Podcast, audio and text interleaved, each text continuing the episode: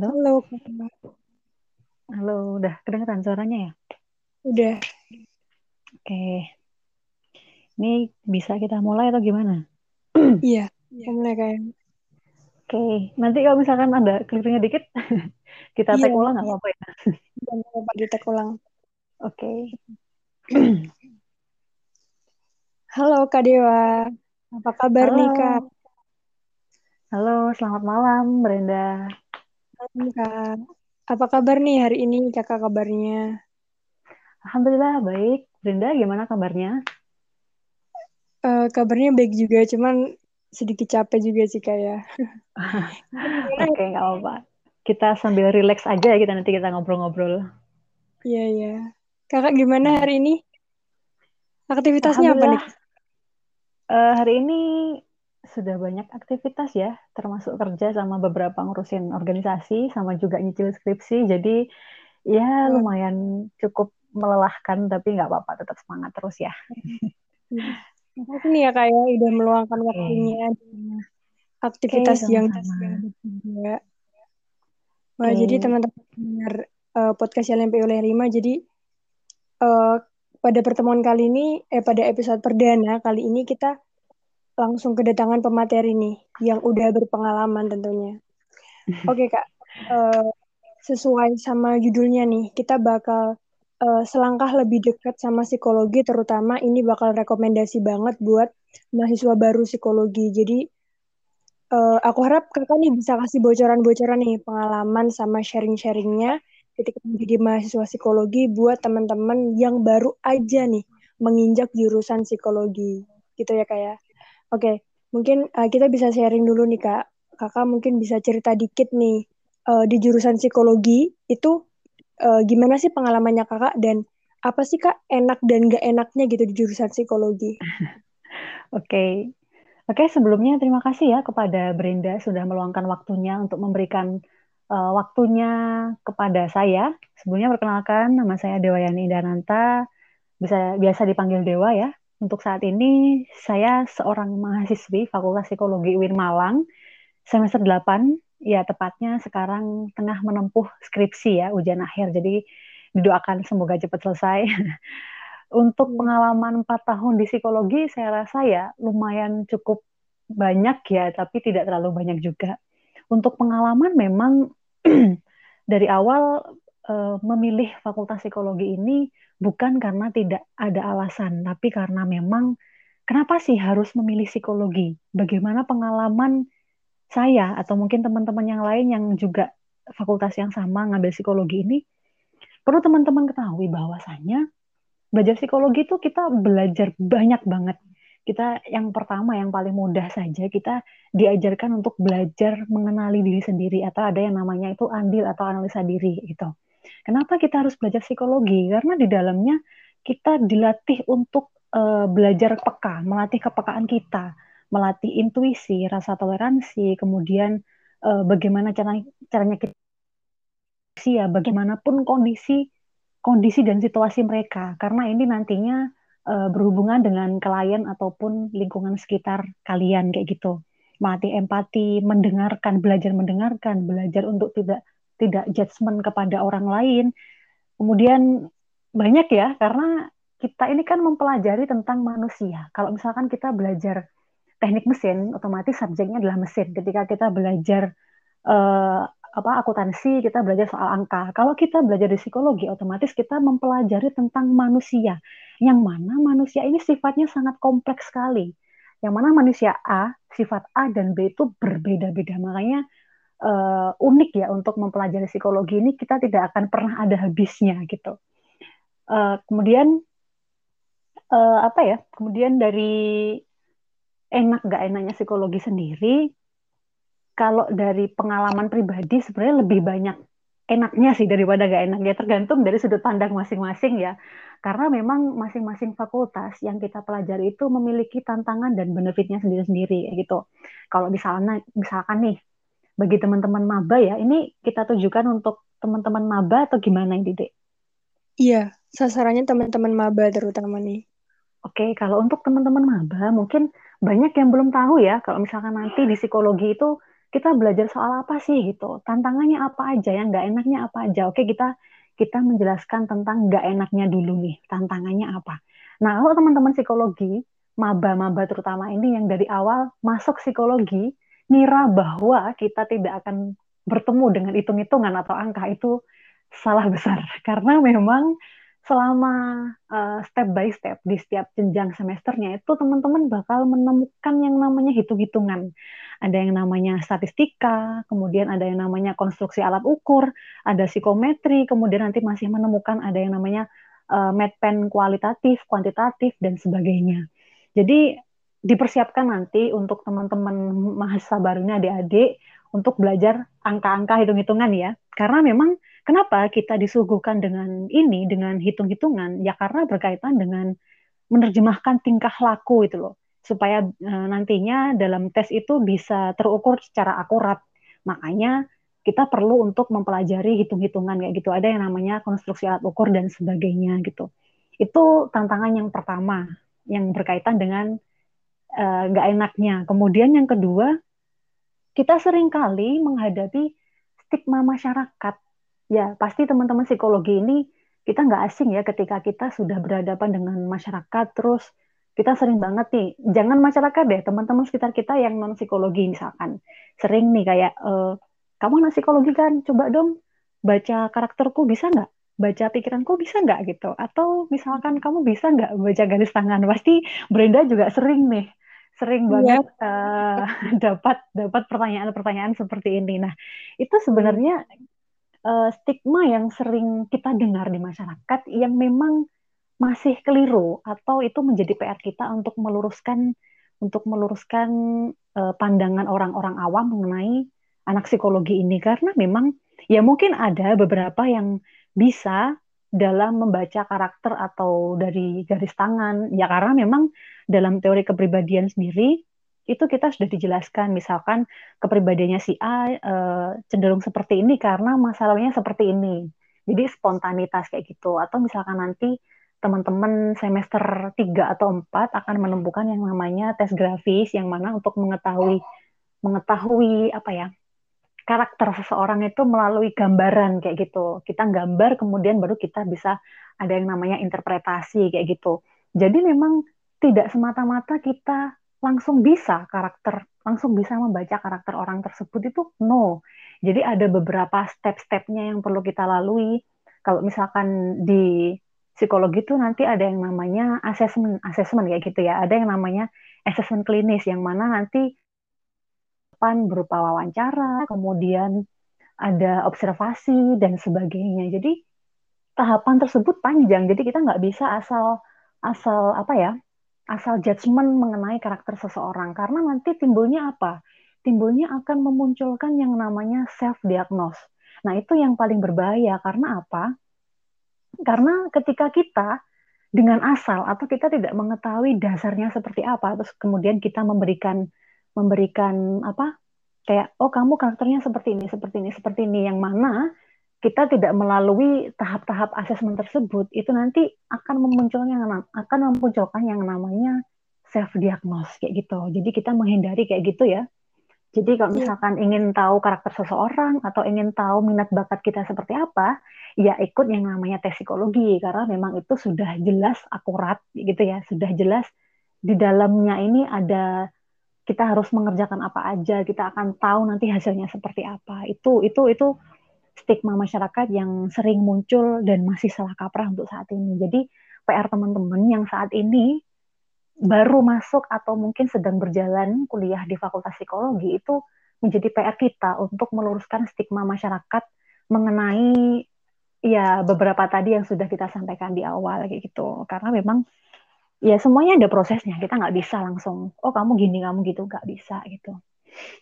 Dan untuk tantangan yang ketiga nggak ada.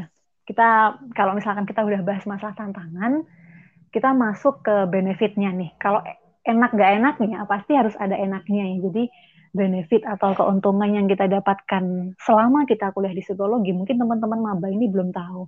Yang pertama, keuntungan kalian apa sih ketika kalian belajar di psikologi gitu? Yang pertama pasti ini kalian bisa mendapatkan konseling gratis. Ya karena memang mau tidak mau dosen-dosen kita ini kan banyak yang lulusan psikolog kayak gitu ya. Karena memang perlu kita ketahui untuk melakukan konseling uh, dan sebagainya itu kan saat ini berbayar ya dek ya. Jadi iya, setiap sesi itu tidak murah, tidak dengan harga yang murah. Jadi istilahnya beruntunglah kita ketika kita belajar di psikologi kita bisa mendapatkan yang pertama konseling gratis kayak gitu. Ada yang namanya nanti pasti di masing-masing fakultas ada yang namanya layanan psikologi kayak gitu. Terus kemudian yang kedua benefitnya apa ketika kita belajar psikologi? Kita akan mendapatkan lingkungan yang suportif dan positif. Karena memang dalam psikologi sendiri kita belajar mengenai tingkah laku yang ideal itu seperti apa. Jadi kita akan dapat lingkungan-lingkungan, akan dapat selektif dalam memilih lingkungan yang suportif dan positif itu seperti apa gitu. Kemudian yang ketiga, mungkin eh, nggak uh, semuanya ya, nggak semuanya mendapatkan ini, tapi kita sering banget uh, dijadikan sebagai ladang atau tempat curhat bagi teman-teman kalian. Pasti Brenda juga sering ini, misalkan ada yang curhat gitu, Brenda aku mau cerita dong, nanti coba kasih solusi kayak gimana gitu. Nah ini sebenarnya tidak semuanya anak psikologi atau bahkan tidak semua orang itu bisa menjadi pendengar yang baik. Nah, makanya ya, kita di psikologi, benar kan ya? Makanya ya. di iya. psikologi kita diajarkan untuk bagaimana caranya menjadi pendengar yang baik. Karena karena apa? Ya. Banyak orang yang bisa bercerita, tapi tidak semua orang bisa menjadi pendengar yang baik. Nah, itu itu uh, tantangan atau sekali iya, bukan tantangan, itu benefit kita ketika kita sudah dipercaya oleh teman-teman kita dipercaya oleh lingkungan kita untuk dijadikan tempat mereka bercerita karena memang tidak semuanya orang ya punya kepercayaan untuk uh, menceritakan masalah mereka seperti apa. Nah, ketika kita sudah dijadikan dijadikan wadah mereka, tempat mereka untuk bercerita, otomatis mereka sudah meletakkan, menaruh harapan kepada kita bahwasanya kita bisa membantu, kita bisa mendengarkan mereka dengan baik. Itu salah satu benefit yang kita dapatkan. Kemudian yang terakhir untuk keuntungan ya, karena kalau kita membahas masalah keuntungan psikologi pasti banyak banget dan teman-teman masing-masing memiliki keuntungannya masing-masing. Kemudian kalau menurut aku nih, kalau misalkan kita sering dengar kuliah di psikologi itu kita rawat jalan ya kak, yes, benar sekali. Kalau misalkan kita di psikologi kita rawat jalan itu bisa dikatakan benar karena memang kenapa dikatakan rawat jalan? Karena ya memang dalam psikolog masalah yang sering terjadi itu yang sering kita hadapi itu berkaitan dengan pola pikir kita sendiri. Sering teman-teman pasti menghadapi kayak overthinking, kemudian insecure, kemudian atau gampang mood, gampang moodnya naik turun kayak gitu. Itu kan termasuk salah satu permasalahan yang sering kali kita hadapi kayak gitu kan. Nah, kenapa dikatakan rawat jalan ya? Karena memang ketika di psikologi kita belajar dari hal-hal kecil dulu. Kita belajar untuk memahami dan mengenali diri sendiri. Karena apa? Ketika kita sudah memahami dan mengenali diri sendiri, yang awalnya mungkin sulit berdamai dengan diri sendiri, kita sering bentrok misalkan kayak kenapa sih kok aku gini, kenapa sih kok gini gitu, sering menyalahkan diri sendiri. Pada akhirnya kita menemukan solusi untuk e, mendamaikan diri sendiri, paham akan kemauan diri sendiri itu seperti apa, paham cara untuk memperlakukan diri sendiri itu seperti apa. Ya karena memang tidak semua orang itu tahu cara untuk menghadapi dan mengatasi mengatasi problem solving utamanya dalam diri mereka sendiri. Nah, dari situ kita belajar psikologi, kita be belajar mengenai analisa diri sendiri. Nanti di dalamnya mungkin uh, ada beberapa yang mengajarkan mengenai apa kelebihan kita, apa kekurangan kita, potensi yang kita punya itu apa, kelemahan yang kita punya itu apa oh kalau misalkan kita punya kelemahan ini ancamannya seperti ini. Oh kalau misalkan kita punya kelebihan ini keuntungannya seperti ini. Nah, itu yang penting sebenarnya. Maka ketika kita sudah bisa memahami makna-makna tersebut, otomatis kita bisa dikatakan uh, tahap penyembuhan, tahap rawat jalan untuk diri sendiri. Gitu. Karena memang yang paling penting adalah kita menyembuhkan diri sendiri dulu, baru kita bisa menyembuhkan orang lain. Itu ya poin yang kita tangkap dulu. Kalau yeah.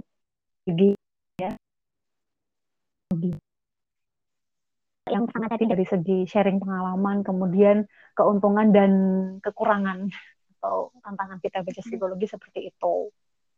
Itu Brenda. Oke, tadi kakak uh, sempat menyinggung nih mengenai mengenal diri sendiri. Jadi seberapa penting sih kak uh, mengenal diri sendiri ini terutama buat anak psikologi? Dan kalau misalkan ada dari uh, teman-teman maba nih yang belum bisa sepenuhnya mengenali diri sendiri, apa sih yang harus mereka lakuin gitu? Jadi gini, kalau kita misalnya di psikologi, seberapa penting? Penting banget karena apa? Bahkan ketika kita harus me, apa ya istilahnya untuk menyelesaikan masalah orang lain dulu, kita harus terlebih dahulu paham akan masalah kita. Kita harus bisa lebih dulu menyelesaikan masalah kita gitu loh. Maaf ya agak bising di sini. Jadi kalau misalkan tadi di awal tak jelaskan bagaimana caranya untuk mengenali diri sendiri, Kak. Yang pertama adalah buatlah sebuah analisa. Ada yang namanya analisa diri. Poin-poinnya ada apa aja? Mungkin teman-teman ada yang mau mencatat ya. Yang pertama itu ada yang namanya SWOT, SWOT. SWOT itu singkatannya S-nya itu strength, kekuatan, W-nya itu weakness, kemudian O-nya itu opportunity, T-nya itu treatment kalau nggak salah. Jadi di dalamnya kita harus punya peta. Ada yang namanya peta analisa diri atau namanya peta konsep. Di dalamnya itu kita bikin bagan yang gede. Ini saya pernah bikin ya kayak gitu karena memang ada PR dari dosen saya untuk bagaimana cara mengenali diri kamu sendiri. Yang pertama kamu bikin bagan dulu nih gitu. Bikin bagan yang pertama kamu bikin tulisan kelemahan kamu apa.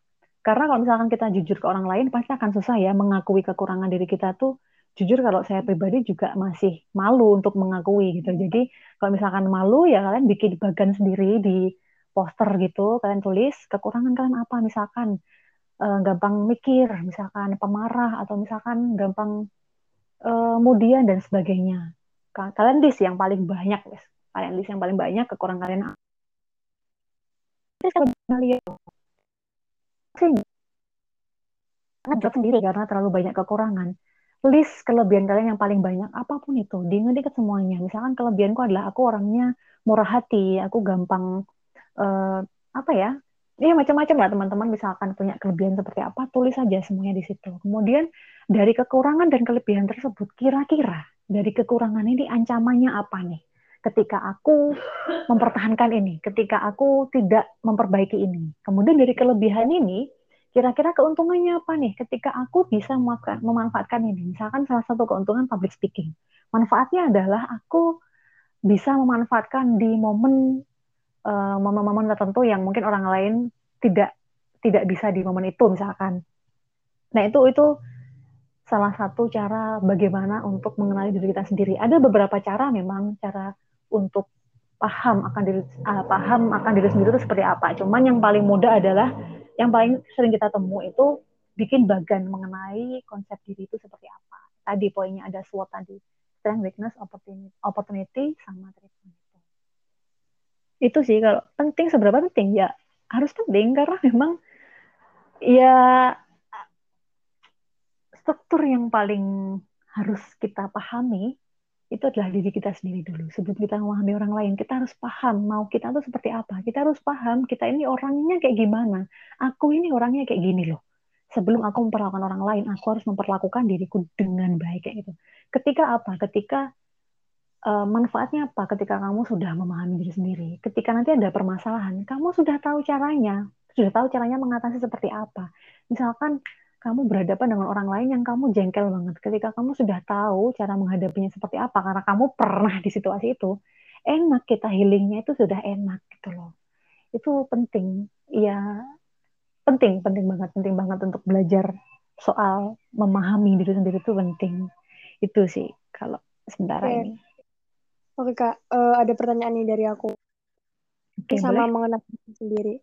Kan okay. uh, eh, kita uh, mungkin dari teman-teman psikologi itu masuk psikologi mungkin bukan karena minat dari awal kan mungkin karena kekurangan uh, mengenal diri sendiri jadi mungkin uh, teman-teman ada dari teman-teman pendengar apalagi maba yang merasa salah jurusan nih kak masuk psikologi nah itu apa yang harus uh, mereka lakukan okay. apakah uh, keluar dari jurusan psikologi aja atau apa nih yang harus mereka lakuin oke oke oke ini kemarin sempat aku bikin catatan juga ya gimana yeah. sih sefruit solusi untuk teman-teman yang merasa dia salah jurusan. Nah, jadi memang ini bukan permasalahan yang jarang ya. Mesti kita sering kali menemui di beberapa fakultas juga.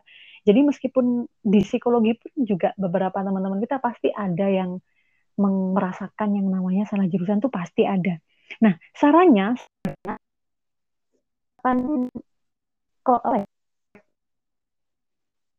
kok dikatakan terlambat, ya mungkin selagi masih maba, kalau misalkan ada kesempatan buat pindah jurusan ya itu kayaknya kemungkinan terakhir ya, itu pilihan terakhir. Cuman ini saran dari aku ya, tips buat maba atau camaba calon masa baru khususnya, kalau misalkan uh, mau masuk di sebuah jurusan atau kampus tertentu, itu usahakan kalian mengikuti tes psikologi terlebih dahulu. Pasti di SMA kalian itu ada yang namanya, uh, pasti menyediakan yang namanya lembaga tes psikologi. Karena apa? Ini penting, teman-teman Kenapa penting? Ketika nanti kita sudah tes psikologi, kita tes bakat minat kita seperti apa, makanya kita bisa menentukan kita nanti cocoknya masuk di jurusan apa gitu. Karena ada yang kita mungkin cuma sekedar suka soal psikologi, tapi ternyata minat bakat kita nggak di situ. Mungkin minat bakat kita di ilmu seni atau misalkan di filsafat. Nah itu kan agak nyerempet-nyerempet dikit kan. Nah itu pentingnya kita sebelum masuk ke fakultas sebelum kita masuk ke perguruan tinggi kita disarankan untuk tes psikologi terlebih dahulu kayak gitu atau cari tahu terlebih dahulu kampus A ini misalkan dia kalau misal aku masuk psikologi nih ini basicnya harus anak IPA dulu atau enggak karena memang beberapa kampus kan pasti ada ya yang dia memiliki apa persyaratan khusus misalkan harus masuk di psikologi kampus ini universitas ini itu harus dari anak IPA misalkan atau misalkan uh, yang selinier atau misalkan nggak harus anak IPA yang penting mau dan bisa kayak gitu. Nah itu teman-teman cari tahu juga gitu. Kemudian kalau misalkan sudah terlanjur masuk, kalau saran dari aku sih sebenarnya gimana ya? Cari uh, juga. Iya, iya susah juga karena memang beberapa temanku yang dia salah jurusan itu masih dibantu oleh teman-teman sekitarnya untuk apa? Untuk menata kembali niatnya di psikologi itu ketika dia masih di semester awal karena memang pilihannya ya hanya dua kembali ke orangnya sendiri ya kita kembalikan ke orangnya sendiri pertama kalau misalkan kamu masih mampu untuk melakukan pindah jurusan ya it's okay. Atau misalkan biayanya bisa dan mampu ya nggak apa-apa. Tapi yang kedua adalah pilihan terakhir kita mantapkan kembali. Sebenarnya kita ini di psikologi cuman mau-mau aja atau emang beneran pengen belajar kayak gitu loh. Karena ya yang pertama jangan sampai di awal kalian nyoba-nyoba aja, tapi kemudian di akhir nanti kalian ngerasa salah jurusan itu jangan bikin lah. Kasihan nanti ketika di proses akhir karena akan mempengaruhi kalian juga gitu loh. Jadi kalau misalkan saran untuk yang salah jurusan, aku lebih menyarankan untuk teman-teman yang camaba sih. Kalau salah jurusan, aku belum terlalu solutif untuk soal ini gitu selain memantapkan niat lo ya, memantapkan niat lagi kalian di psikologi ini belajar kepengennya gimana, kalian kuliah itu kepengennya gimana. Mantapnya itu kuliah di mana? Karena memang ada ya beberapa yang kuliah itu dia nyoba-nyoba daftar, terus kemudian lolos, kemudian ada yang nggak sengaja kepencet, eh ternyata lolos. Terus yang yang terakhir nggak ada pilihan lain nih, ya udahlah ngambil psikologi aja. Nah itu yang beberapa jangan sampai kita salah pilih gitu. Itu makanya tadi penting di awal kita harus mengikuti tes psikologi dulu, cari-cari tahu dulu itu psikologi ini seperti apa sih sebenarnya. Jangan sampai kita cuma sekedar ngerti dan sekedar seneng, tapi ternyata kita nggak prefer di situ. Eman, eman, eman orang tua juga sebenarnya gitu. Jadi pilihan ada di kalian sendiri gitu. Jadi penting banget ya Kak buat memilih jurusan yang tepat dan untuk menimbang jurusan apa sih yang bakal diambil biar tepat sama diri sendiri gitu. Iya, karena nanti di tes minat bakat itu bakal bakal temu kita nanti lebih prefer ke jurusan apa. Karena nanti kalau misalkan teman-teman di jurusan psikologi nanti ada yang namanya tes bakmi atau bakat minat. Di dalam nanti ada macam-macam, ada tes Kraepelin, ada tes apa aja aku lupa di dalam. Yang mana di dalam kita akan diarahkan. Ada beberapa soal-soal yang kita nanti akan nemu hasilnya, kita lebih condong ke mana, kita lebih cenderung menyukai musik kah, atau kita cenderung menyukai uh, pekerjaan yang seperti ini itu nanti penting uh, penting yang pertama penting digunakan ketika bekerja kedua penting digunakan untuk uh, masuk di perguruan tinggi negeri atau SMA kayak gitu tapi beberapa layanan psikologi pasti menyediakan kok kayak gitu untuk sekolah-sekolah yang uh, bagi siswa-siswa yang sudah akhir itu biasanya pihak sekolah atau BK biasanya BK-nya ya menyediakan layanan itu mendatangkan dari pihak layanan psikologi untuk ngetes kembali bakat minat uh, siswanya nanti dia akan diarahkan ke mana. Pasti dari sekolah akan menyediakan itu sih. Nggak semuanya, cuman diarahkan untuk seperti itu untuk tes psikologi dulu itu sih. Oke, tadi di depan kakak sempat uh, bahas nih mengenai stigma masyarakat yang kalau anak psikologi itu bisa baca uh, kepribadian, terus bisa baca pikiran. Nah, itu uh, ada nggak sih kak cara gimana meluruskan stigma masyarakat itu atau haruskah itu meluruskan stigma itu dari dalam diri kita sendiri atau ada hal yang bisa kita lakuin buat ngelurusin stigma itu? Iya, kalau misalkan kita mendapatkan stigma itu, yang pertama adalah itu menjadi PR kita ya, itu yang menjadi PR besar kita untuk uh, meluruskan kembali apa yang sudah tertanam di masyarakat. Kita nggak bisa menolak itu karena memang budaya orang-orang adalah menangkap apa yang kelihatan dari luarnya, kayak gitu loh. Jadi kalau misalkan anak mesin, pasti kalau misalkan kamu kuliah di jurusan mesin, kamu bisa nggak benahin motor, kamu bisa nggak benahin listrik atau apa pun yang padahal kita sebenarnya bukan ahlinya di situ atau bahkan kita bukan bidangnya di situ itu loh. Kayak gitu. Misalkan di psikologi ya kita yang paling sering adalah kamu bisa nggak baca pikiran, kamu bisa nggak baca garis tangan dan sebagainya, atau bahkan yang paling sering kamu bisa nggak baca uh, apa nanti ke depannya aku kayak gimana. jangan kita bukan cenayang teman-teman gitu loh. Jadi kita nggak tahu kalian itu nanti ke depan kayak gimana kita nggak tahu. Tapi sebenarnya yang lebih uh, apa ya? Yang kenapa yang mesti gini? Kenapa kok masyarakat lebih sering memunculkan stigma seperti itu? Kita sering lihat ya beberapa platform platform yang sering kita lihat di media sosial kayak misalkan di Twitter atau Instagram ada nih ada beberapa kayak ciri-ciri introvert tuh seperti ini, ciri-ciri extrovert tuh seperti ini, bipolar atau people pleaser tuh seperti ini dan sebagainya. Ya kan? Pasti kita sering kan uh, ngelihat itu beberapa pamflet di media sosial yang kayak menjelaskan ciri-ciri kayak di atas tuh. Nah, itu mungkin bisa menjadi bahan wawasan buat kita ya. Jadi misalkan ada orang lain yang teman kita nanya nih, ini bener nggak sih kalau misalkan introvert itu orangnya kayak gini, ekstrovert itu orangnya kayak gini, ekstrovert, introvert, ambivert misalkan kayak gitu. Benar gak sih kayak gitu? Kita jangan langsung mengiyakan. Itu jadikan sebagai bahan wawasan kita. Karena memang apa? Bahayanya ketika seseorang terlalu itu memang beberapa ada yang benar ya karena itu sudah didasarkan dari peneliti-penelitian terdahulu dari para ahli tapi tidak bisa kita jadikan sebagai patokan. Tidak bisa kita jadikan sebagai tolak ukur untuk menentukan diagnosa kepada seseorang. Karena memang yang paling paling penting ya harus kita datang ke ahlinya, kita datang ke psikolog, kita datang ke psikiater ketika kita sudah mulai mengalami tanda-tanda yang mungkin sudah disebutkan di beberapa pamflet tersebut. Misalkan nih, kamu baca tentang ciri-ciri bipolar. Wah, langsung self diagnose nih wah ternyata selama ini aku bipolar nih. Padahal ternyata cuman mudian aja, cuman gampang bad mood aja gitu loh. Nah dari situ kita langsung, itu yang berbahaya sebenarnya.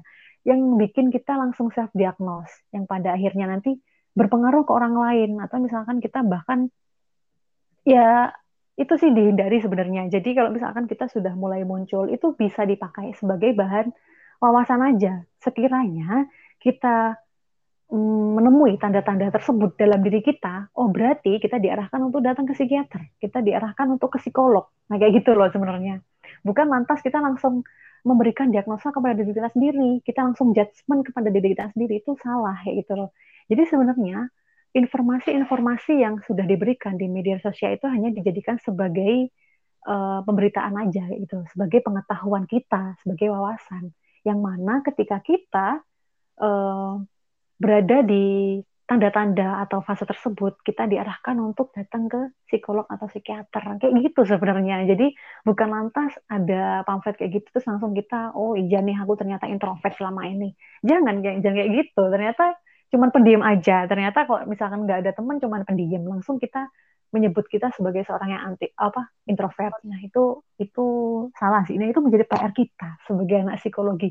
PR kita psikologi itu banyak sebenarnya gitu loh karena memang ya subjek kita adalah manusia. Manusia itu kan ya. tadi di awal kompleks manusia itu sifatnya tuh macem-macem. Kita mau bilang apa pun kalau dia nggak mau ya susah gitu loh. Makanya ketika manusia, ketika, teman kita sudah terlanjur judgement kepada dirinya sendiri, aku tuh ternyata bipolar gitu loh.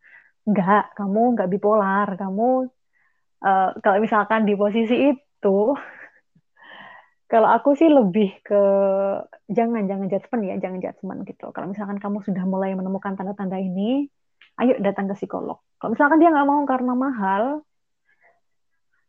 gimana nih? gimana nih kalau misalkan diarahkan ke psikiater atau psikolog nggak mau karena mahal, ya pilihan tetap kembali ke mereka masing-masing gitu. Itu sih susah memang. Kita hanya bisa mengarahkan, kita nggak bisa kita nggak bisa memaksa orang lain untuk untuk menyesuaikan kemauan mereka ya misalkan mereka udah adjustment kayak gitu ya kita sudah memberikan upaya yang terbaik lah gitu. Okay. bukan lantas kita nyerah loh ya. Gitu. Oke okay. sih. ini aku tanya nih kak. Uh, masih berhubungan sama stigma sama media sosial yang tadi kayak Instagram atau Twitter?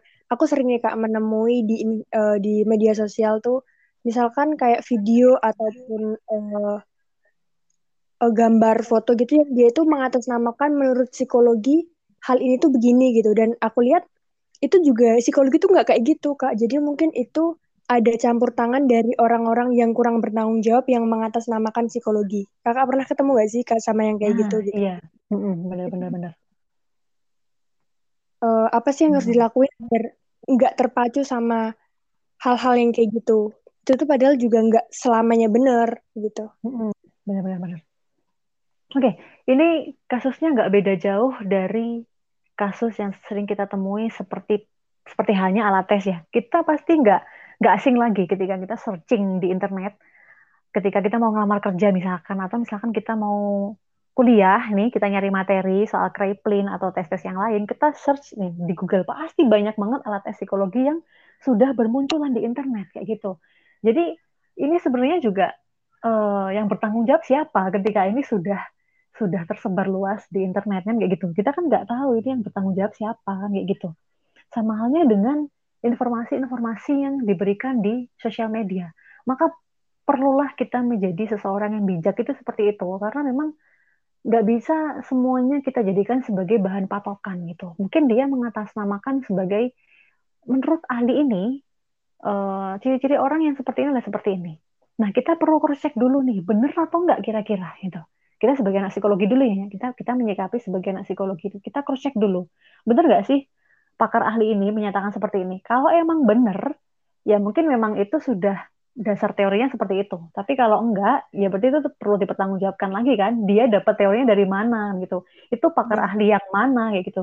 Cuman memang kita kembali lagi ke uh, media sosial. Media sosial ini kan jangkauannya luas ya dek ya. Kita nggak bisa membatasi media sosial ini kita ditujukan ke siapa aja nggak bisa. Sekarang ini kayak misalkan konten TikTok ataupun Instagram, Twitter dan sebagainya, kita nggak bisa membatasi loh. YouTube termasuk. Kita nggak bisa membatasi bahwasanya mungkin ada ya, ada ukurannya untuk YouTube Kids atau misalkan YouTube ini diperuntukkan untuk anak-anak atau dewasa ya gitu itu mungkin kita bisa di situ atas pantauan gitu kan berdasarkan pantauan tapi kita nggak bisa ngontrol uh, konsumsi masyarakat mengenai sosial media itu kita nggak bisa ngontrol jadi memang salah satu yang perlu kita berikan kepada orang-orang untuk mengedukasi mereka adalah bijak terlebih dahulu. Yang pertama adalah bijak dulu dalam menggunakan media sosial. Jangan sampai hanya karena sih bukan hoax bukan ya. Misalkan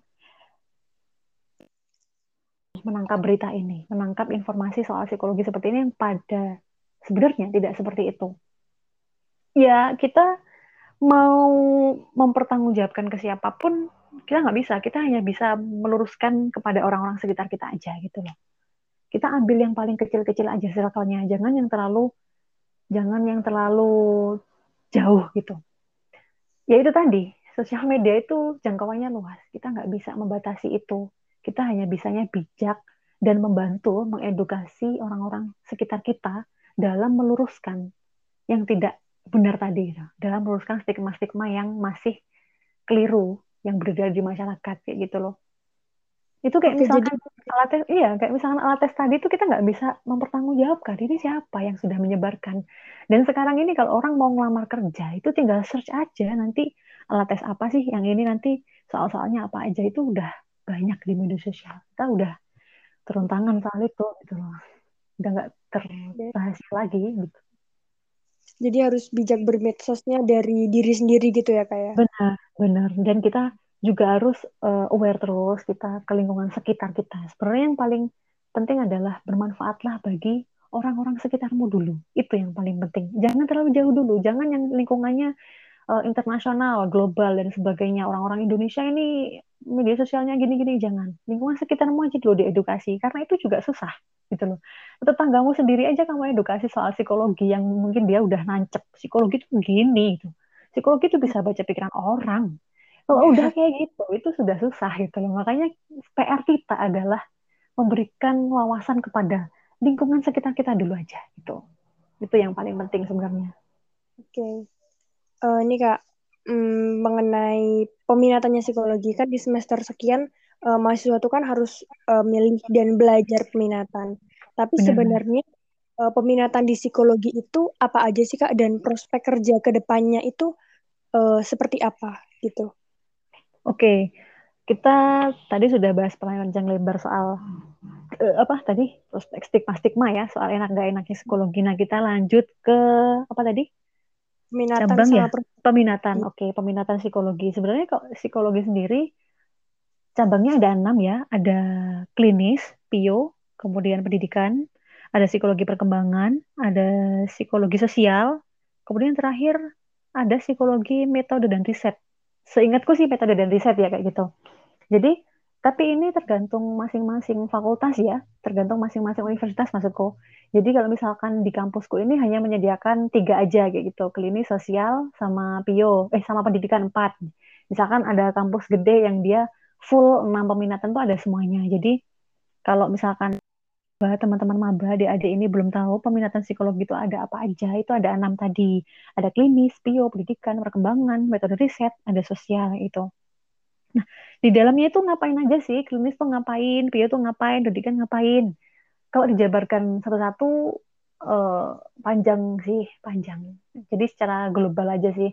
Kalau hmm. teman-teman sebelumnya sebelumnya karena di internet banyak ya, pasti di internet tuh banyak psikologi klinis itu apa, psikologi uh, industri organisasi itu ngapain aja. Nah, kalau misalkan soal jenjang karir, jenjang karirnya di psikologi itu apa aja? Jadi prospek kerja anak psikologi itu banyak banget. Jangan takut kalian menjadi sarjana psikologi yang kekurangan kerja. Iya benar. Uh, kayak gitu. Karena gini, psikologi itu faktanya adalah psikologi itu salah satu prodi yang banyak dicari di dunia kerja. Kemampuan lulusannya anak psikologi itu buat menganalisa perilaku dan kepribadian itu sangat bermanfaat di berbagai sektor gitu ya sektor pendidikan oke, okay, sektor industri organisasi oke, okay, di sosial dia bisa, di klinis kesehatan jiwa dia oke, okay, kemudian untuk riset penelitian dia dia ada semuanya. Nah, kita sudah mencangkup banyak loh. Bahkan di dunia kedokteran pun psikologi juga diperlukan gitu. Jadi nggak usah takut menjadi sarjana, sarjana psikologi ini bakal kekurangan kerja, jangan takut. Yang paling penting adalah kita perbanyak skill-skill kita, life skill kita nanti diperbanyak soft skill, soft skill, hard skillnya semuanya diperbanyak. Kemudian uh, misalkan uh, sarjana psikologi nanti juga bisa berkarir jadi konsultan psikologi misalkan, terus jadi ahli psikometri yang tugasnya nanti membuat pengukuran alat psikologi itu. Kemudian bisa menjadi pengajar psikologi, kemudian bisa menjadi recruiter atau yang namanya talent acquisition. Misalkan teman-teman nanti ada yang minat di psikologi industri organisasi, itu nanti nggak jauh-jauh dari yang namanya pengembangan sumber daya manusia. Kalau misalkan kita nggak asing ya dengar yang namanya HRD itu pasti nggak asing. Dan namanya Human Research Development. Saya juga berpengalaman di situ selama setengah tahun di bagian HR. Ada yang namanya nanti HR recruiter, ada yang namanya HR trainer, ada yang namanya HR konsultan dan sebagainya gitu. Yang istilahnya eh, menaungi pengembangan SDM yang ada di perusahaan tersebut atau di instansi tersebut kayak gitu. Kalau misalkan di instansi pemerintah itu lulusan psikologi juga dibutuhkan sebagai ahli intervensi sosial yang mana nanti tugasnya itu bisa membantu pemerintah dalam menganalisa konflik-konflik di kelompok kayak gitu atau komunitas tertentu di masyarakat gitu. Atau nanti misalkan yang menetnya di klinis itu bisa jadi terapis, terapis pernikahan dan keluarga, kemudian bisa jadi psikolog atau kons eh, psikolog konseling, kemudian spesialis anak berkebutuhan khusus. Kalau misalkan nanti di pendidikan juga bisa jadi guru BK gitu.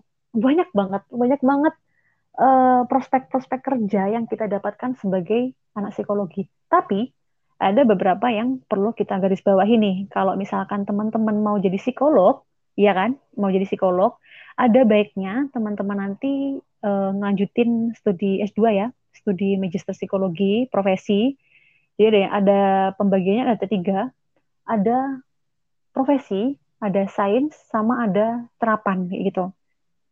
Kalau misalkan jadi psikolog ya nanti ngambilnya ke psikologi profesi gitu. Nanti setelah lulus psikologi profesi, baru nanti ada beberapa tahapan lagi supaya teman-teman bisa mendapatkan surat hmm. izin praktek atau yang namanya SIP. Panjang, panjang banget sih prosesnya panjang. Tapi yang jelas kalau teman-teman serius dalam uh, belajar psikologi sampai tahap akhir, ya nanti ambil di profesi kayak gitu. Profesi atau sains. Kalau sains nanti kita lebih sering nyebutnya kalau lulusan sains itu jadi dosen gitu.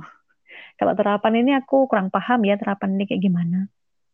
Itu sih kalau dari prospek kerja anak psikologi. Jadi nggak usah takut anak psikologi ini kekurangan pekerja ini jangan takut karena kalian ketika nanti keluar del psikologi itu dicari semuanya di tempat itu semuanya dicari. Yang penting satu perbanyak pengalaman kalian selama di kampus kayak gitu. Kalau misalkan kalian cuma minat doang, tapi kalian nggak ada usaha buat ngimbangin itu, ya percuma gitu loh. Jadi istilahnya selama di kampus juga teman-teman aktifkan untuk ikut organisasi, ikut kegiatan apa pun, volunteer-volunteer, kemudian magang dan sebagainya. Pelatihan-pelatihan yang berkaitan dengan psikologi, misalkan pelatihan alat tes atau pelatihan menjadi uh, bagaimana menjadi HR dan sebagainya kayak gitu. Nah, itu penting ketika nanti kalian sudah lulus atau ketika nanti kalian eh, PKL atau kalian magang-magang kerja itu sertifikasi-sertifikasi tersebut itu bakal dibutuhkan gitu loh. Karena itu kan istilahnya menjadi sebuah tanda bahwa teman-teman ini kompetensinya sudah teruji kayak gitu loh. Jadi kalau misalkan di kampus selagi kalian kuliah, selagi kalian masih mahasiswa baru juga manfaatkan peluang kalian menjadi mahasiswa psikologi belajar yang benar-benar kalau misalkan dari awal kan sudah minat sudah punya uh, sasaran mau ngambil psikologi apa misalkan psikologi klinis nanti kalau aku ngambil psikologi klinis aku pengen ah nanti jadi uh, terapis misalkan atau pengen jadi psikiater misalkan tekunin di situ nggak apa-apa gitu loh jadi nggak ada salahnya kita dari awal tuh sudah punya peminatan atau kita sudah punya pandangan prospek kerja ke depan nanti kalau aku udah lulus kayak gimana itu nggak apa-apa. Malah lebih bagus kita harus punya punya uh, planning jangka panjang itu kita lebih bagus gitu loh. Jadi nggak usah takut bahwa lulusan psikologi itu nggak ada kerjaan. Itu hanya coba dibuka lagi wawasannya cari dari di internet tuh pasti banyak banget lulusan psikologi. Ngapain aja semua pasti ada psikologi. Selagi ada manusia, di situ ada psikologi. Itu kuncinya. Itu deh. Ya. Jadi emang eh, prospeknya tuh luas banget dan psikologi itu bisa kerja di banyak banget bidangnya Kak ya. Kayak yang Kakak tadi di mana ada manusia di situ pasti ada psikologi. Bener. Mm. Uh, buat teman-teman yang sekarang lagi menempuh uh, jurusan psikologi nih jadi mahasiswa psikologi gunain uh, waktu jadi mahasiswanya sebaik mungkin apalagi di bidang non akademik ya kayak kayak yang tadi kakak yeah. bilang untuk melatih sosialnya untuk melatih banyak hal karena kita emang terjunnya adalah pada manusia itu sendiri gitu ya benar oke okay.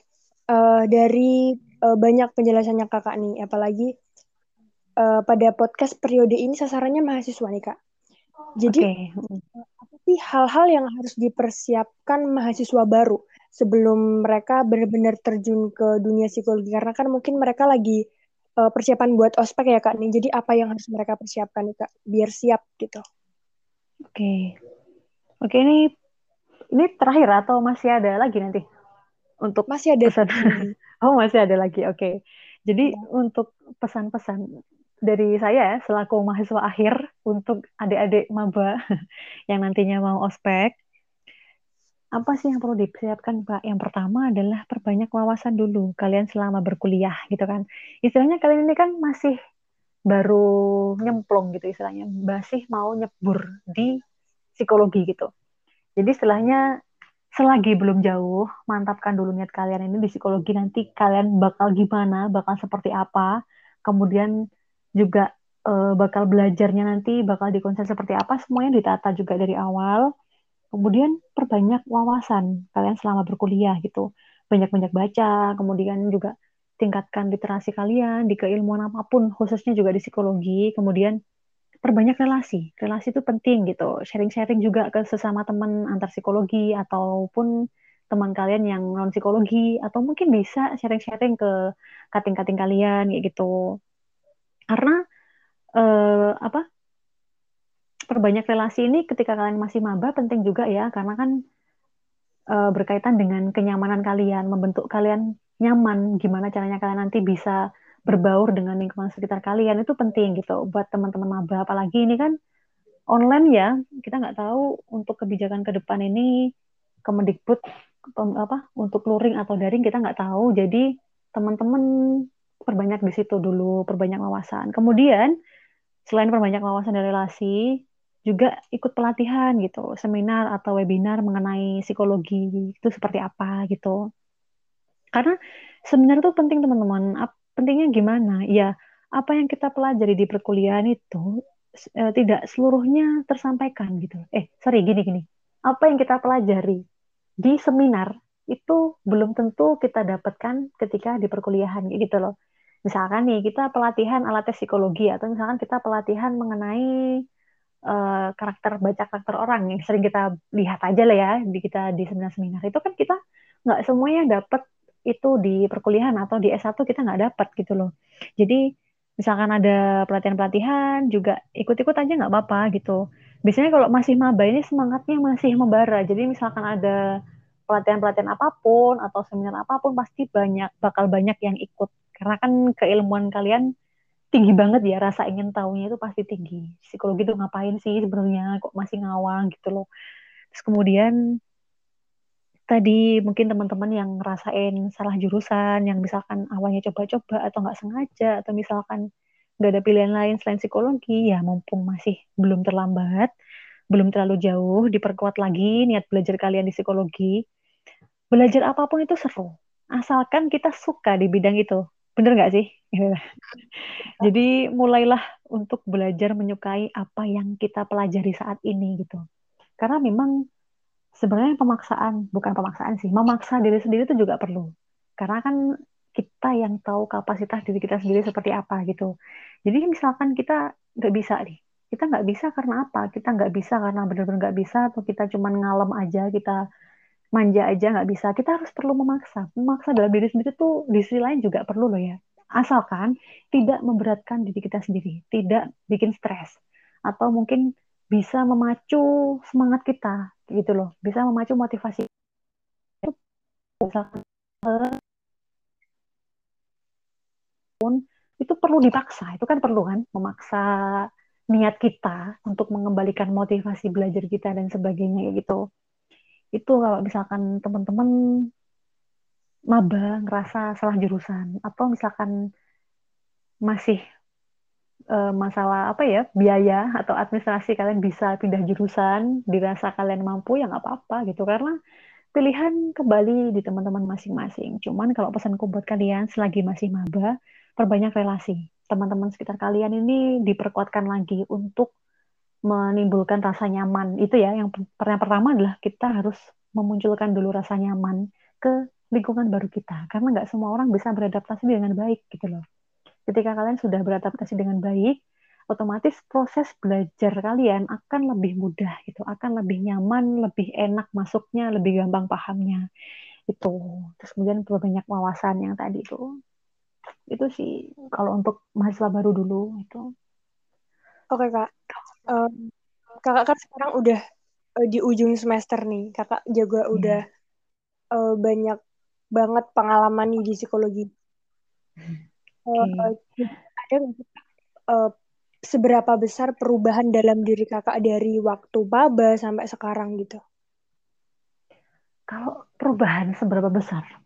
Dari 0 sampai 100 persen ya, tak rasa 75 persen sih. 75 persen yang aku dari awal tidak mendapatkan ini atau tidak bisa ini atau mungkin belum bisa ini kemudian semenjak aku oh eh semenjak uh, masuk di jurusan psikologi ini menjadi bisa ya gitu yang pertama tadi pentingnya untuk mengenali diri sendiri itu penting. Dulu ketika pasti teman-teman uh, apa ya kita sudah tidak asing lagi dengan istilah KLC atau quarter life crisis gitu loh. Di psikologi nanti akan dijelaskan kok apa yang namanya KLC itu. Jadi teman-teman ini peralihan dari SMA ke masa dewasa awal. Itu kan remaja ya, remaja akhir ke masa dewasa awal. Itu kan pasti akan mengalami yang namanya per, per uh, apa pergolakan batin gitu loh, gejolak batin yang mana uh, apa proses pencarian jati diri kalian itu ini diuji gitu loh. Sebenarnya aku ini mau jadi apa sih? Aku nanti bakal ngapain sih? Itu yang namanya KLC. Nah, KLC ini nanti bakal kalian alami ketika yang paling umum adalah masa SMA ya, SMA sampai perkuliahan itu nanti bakal kalian alami kayak gitu. Nah, perubahannya seperti apa? Makanya penting di awal tadi kita belajar untuk memahami diri sendiri. Nah, ketika masuk di jurusan psikologi, kita diajarkan untuk bagaimana kita melatih empati ke orang lain. Yang awalnya kita orangnya bodoh amatan, kita orangnya yang ya wes lah gitu, sekarapnya kita lah gitu. Yang akhirnya kita bisa menjadi peduli ke orang lain. Kita belajar menghargai orang lain, kita belajar untuk mendengarkan cerita orang lain karena memang apa ya? Hal-hal itu perlu gitu loh. Kita perlu untuk hmm, menjadi bermanfaat bagi lingkungan sekitar kita. Tapi yang pertama adalah tadi itu belajar belajarlah dulu belajarlah terlebih dahulu untuk memahami dan mengenali diri kalian sendiri. Itu penting. Yang awalnya kita nggak tahu diri kita ini sebenarnya maunya apa. Kok aku gini kok aku gitu. Nah semenjak kalian di psikologi weh semenjak kalian di psikologi kalian bisa gitu loh. Kalian tahu kalian ini seperti apa. Uh, tadi sebenarnya di awal juga sering sudah sudah sering tak singgung masalah bagaimana cara kita untuk mengenali diri sendiri seperti apa. Kemudian bagaimana cara kita untuk menjadi bermanfaat di lingkungan sekitar kita seperti apa. Ya kalau dari persentase perubahan sih 75% ya. Dan tak rasa belajar psikologi ini manfaatnya luar biasa sekali. Kalau teman-teman serius belajar lah ya, kalau teman-teman serius belajar karena setiap fenomena yang kita hadapi adalah soal manusia dan manusia itu nggak ada habisnya untuk kita pelajari gitu kan ketemu si A ketemu si B. Meskipun sama-sama dia uh, sifatnya apa ya meskipun sama-sama mungkin introvert atau apa tapi ternyata dia watak, wataknya berbeda selera umurnya berbeda dan sebagainya masalahnya juga berbeda. Nah itu kita mempelajari itu nggak akan pernah ada habisnya gitu. Jadi ya itu menjadi suatu tantangan tersendiri kita selama kita belajar psikologi gitu. Itu sih kalau misalkan pun kalau misalkan kita belajar di teknik mesin, ya kita nggak bisa menyamaratakan ya dengan dengan keilmuan yang lain. Cuman kalau tak rasa di psikologi ini karena kita mempelajari manusia, jadi mau sampai kapan pun kita nggak akan pernah selesai belajar soal manusia itu nggak akan pernah selesai dan pasti akan ada aja penemuan-penemuan baru yang akan kita dapatkan dari fenomena-fenomena yang terjadi di manusia tersebut. Misalkan kita menemukan uh, fenomena introvert dan sebagainya, po, apa fobia dan sebagainya. Nah, nanti pasti akan muncul lagi, muncul lagi uh, apa ya gejala-gejala baru yang kita nggak pernah tahu sebelumnya. Nah itu kita menjadi tantangan gitu loh, menjadi sebuah apa ya challenge tersendiri buat kita untuk ngerti, untuk kita terus mengasah keilmuan kita di bidangnya itu gitu.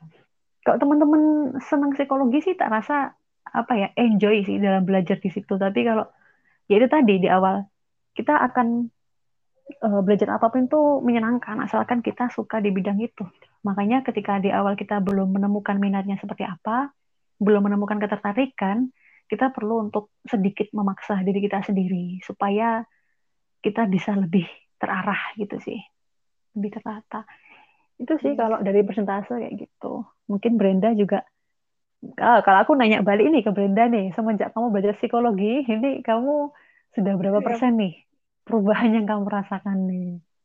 Kalau masih baru semester yang uh, kecil ya kayak ya. untuk perubahannya baru proses kak, jadi perlahan lebih uh, apa ya baru menemukan teka-teki kenapa aku dulu pernah begini, kenapa aku melakukan ini itu dan perubahannya belum begitu ketara karena juga kuliahnya juga online jadi belajar sendiri gitu jadi belum uh, seterlihat itu gitu. Jadi baru yang menemukan teka-teki yang dulu aku tanya kenapa sih hal ini bisa terjadi, kenapa itu bisa terjadi, baru yang kayak gitu-gitu sih. Benar. Nah, gitu kan. Iya. Akhirnya muncul rasa keingintahuan kan akhirnya dari situ gitu. Oke. Itu. Udah itu uh, pertanyaan terakhir dari aku kak. Jadi nggak kerasa Oke. banget kita udah ngobrol banyak banget. Uh, ini bener-bener seru kak. Uh, buat aku yang udah dikit.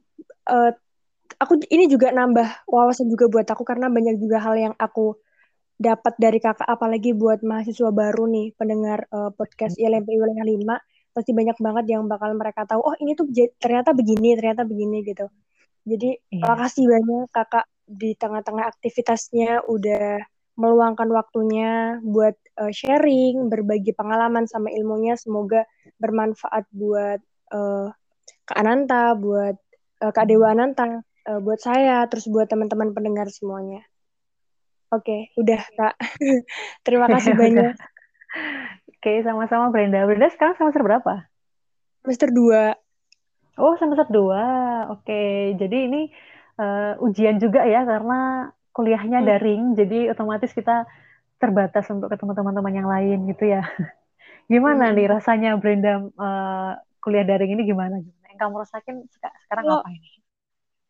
Kuliah daring ini belum banyak tantangan yang aku lihat sih kak tantangan hmm. paling juga cuma maksudnya juga pengen pengen juga gimana sih uh, kuliah cuman belum bisa ngerasain gimana yang kuliah sebenarnya gitu itu pengen banget sih dan berharap untuk semester depan uh, bisa offline kuliahnya itu sangat sangat yeah. berharap sih benar-benar Oke, okay. buat Brenda juga semangat ya, Brenda. Ini kita masih awal, tahap awal. Jadi, ya tadi pesanku di awal, banyak perbanyak wawasan. Yang paling penting adalah perbanyak relasi juga.